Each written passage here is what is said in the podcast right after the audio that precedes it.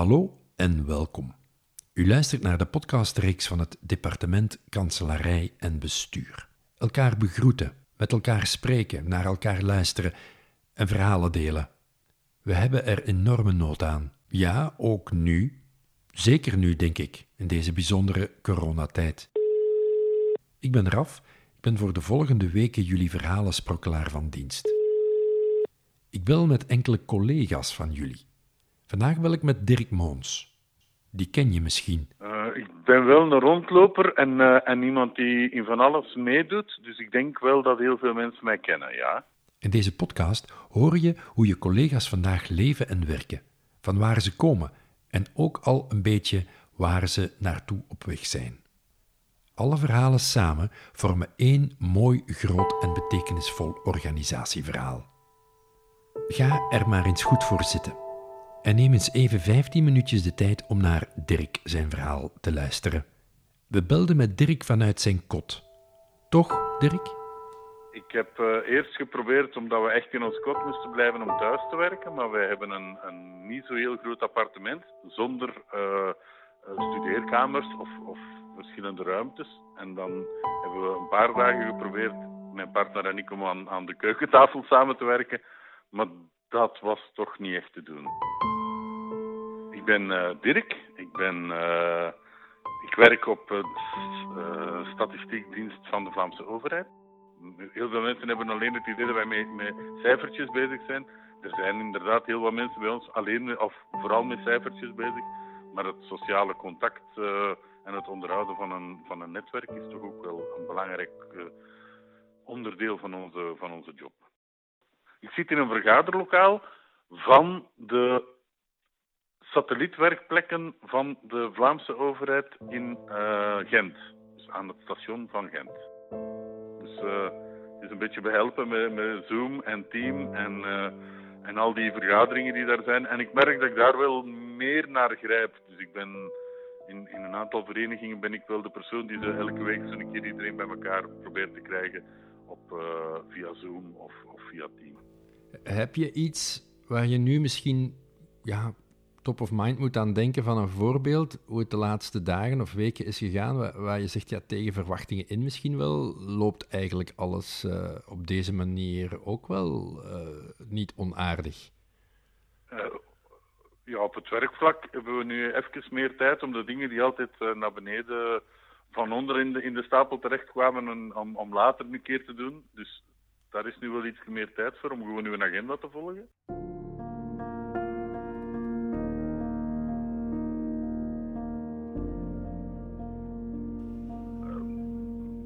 Bij het, het minder hiërarchisch werken is mij vooral, um, en dat was op mijn lijf geschreven om het zo te zeggen, um, je kan je inzetten in een aantal uh, rollen binnen een organisatie naar eigen uh, goeddunken of naar eigen aanvoelen.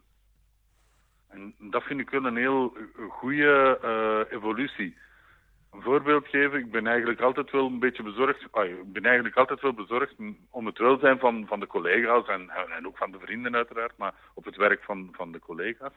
En in de nieuwe uh, structuur is het geen enkel probleem dat ik uh, een aantal dingen binnen de werkgroep welzijn op mij neem en zelfs de werkgroep welzijn regelmatig uh, bij elkaar roep om een aantal thema's die ik denk die belangrijk zijn op de agenda van die werkgroep te plaatsen.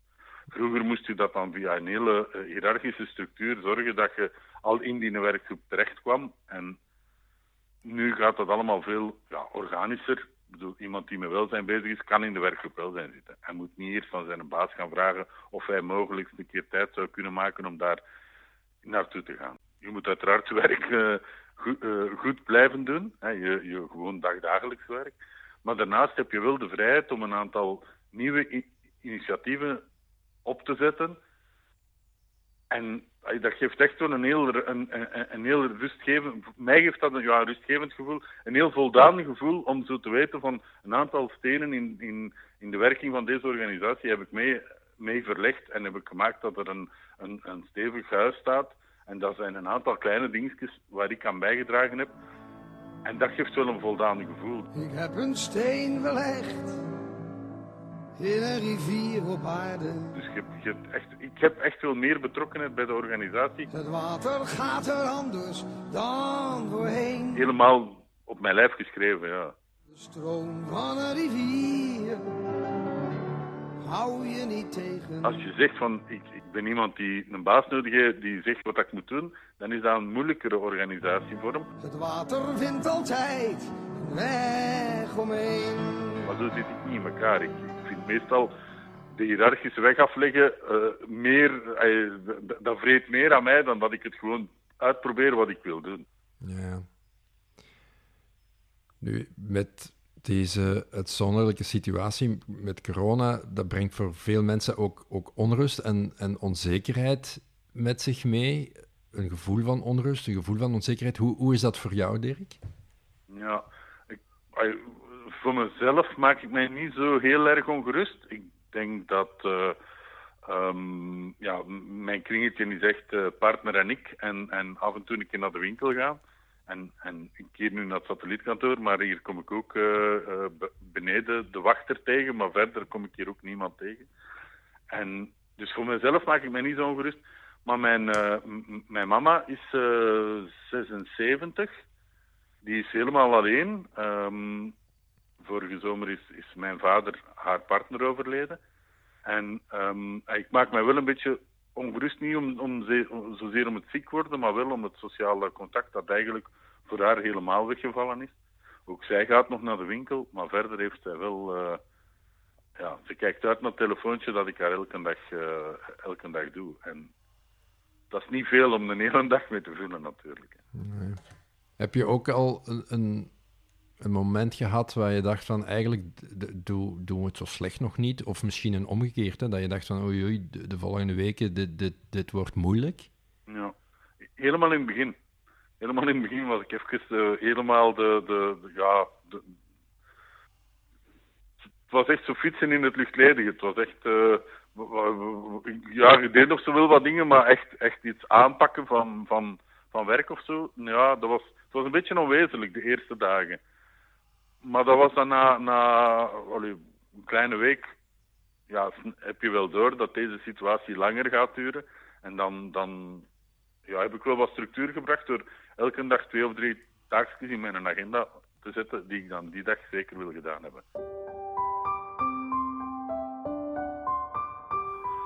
Er was toen wel een, een uh, traject om regelmatig contact te hebben met de mensen die de herstructurering of de, de fusie van de twee departementen gingen uitvoeren of plannen om uit te voeren.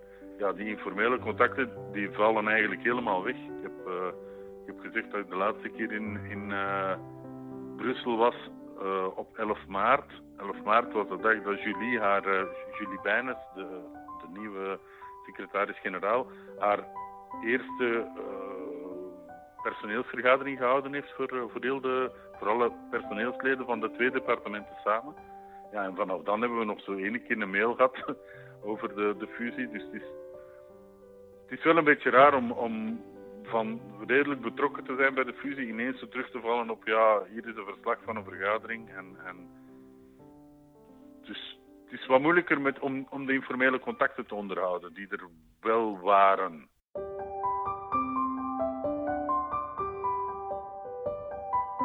Je zou kunnen zeggen, de crisis komt eigenlijk op het slechtst mogelijk moment voor dat fusietraject. Maar omgekeerd zou je ook kunnen denken, misschien komt het op een goed moment. Het is tijd om even wat afstand te nemen en, en, en, te bezinnen of, of, of achteruit te gaan voor we verder springen. Hoe, hoe, hoe, zit jij erin? Ja, ik heb de indruk dat men wel aan het door, uh, hij probeert, men probeert wel door te, door te gaan met de fusie. Het was sowieso al een heel snel proces. Ik denk dat, dat nu ja, sneller vooruit zou kunnen gaan, omdat er een aantal uh, ja, van die informele contacten die normaal de, de, vooruitgang ja, niet noodzakelijk afremmen, maar wel maken dat iedereen goed mee is, die vallen nu weg. Dus ik denk dat de fusie vanuit de top uh, sneller zal kunnen gaan, maar ik denk dat nu meer werk wordt om iedereen mee te krijgen in het fusieverhaal denk dat de grootste uitdaging, maar daarmee trap ik een open deur in natuurlijk. de grootste uitdaging zal zijn hoe gaan we nu terug naar normaal en wat wordt het nieuwe normaal natuurlijk. Ik maak me daar niet zo heel veel zorgen in voor mezelf, omdat ik in een, in een heel afgebakend team werk met een eigen, met eigen doelstellingen en een eigen uh, plan voor de toekomst. Dus ik denk dat het voor mezelf op werkvlak en voor mijn collega's binnen de, de Statistiek Vlaanderen mee zal vallen voor de verandering die, die nu door uh, de fusie van de twee departementen zal gebeuren. Daar maak ik mij niet zo heel veel zorgen over.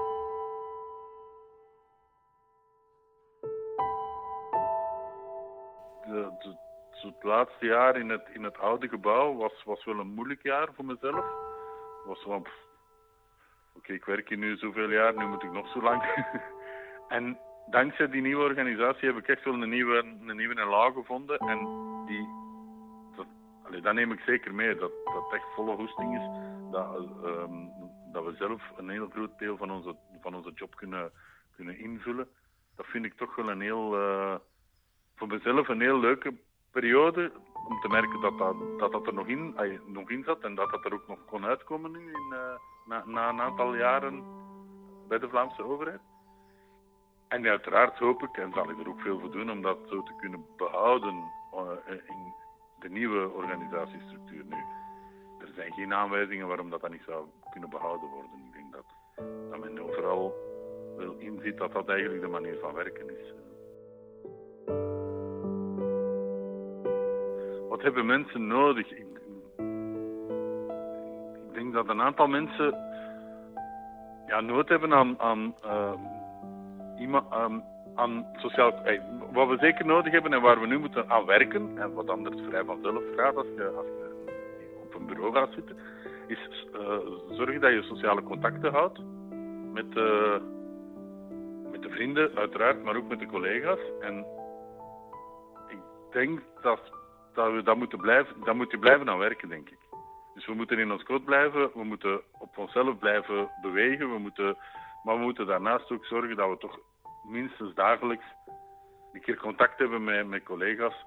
Dat mag via de mail, maar ik ben eigenlijk eerder voorstander om, om een keer te bellen of, of uh, een keer te, uh, wat is het nu, Teams, het is nu Teams geworden, om een keer een teamgesprek te voeren met je beste collega's. Dat lijkt me wel, wel nodig. Verbonden door Verhalen is een podcast van het departement Kanselarij en Bestuur om onderlinge verbondenheid te stimuleren. Vandaag delen we online audioverhalen met elkaar. Het zijn verhalen uit het ondertussen. Een tijd waar we met z'n allen binnen zitten. Een tijd waar we met één been nog in het oude staan en met één been in het nieuwe. Want als je goed luistert, zal je ook horen dat er in deze verhalen heel wat elementen zitten die de basis vormen voor een sterk nieuw toekomstverhaal. Deze podcast is ook een uitnodiging om jouw verhaal te vertellen, om jouw ervaringen vanuit het ondertussen met mij en dus met al je collega's te delen. Dat zouden we heel fijn vinden. Echt. Doen. Neem hiervoor contact op met Stefan Marchand. Hij coördineert dit verhalenproject. Voor nu alvast dank om te luisteren en tot een volgende aflevering.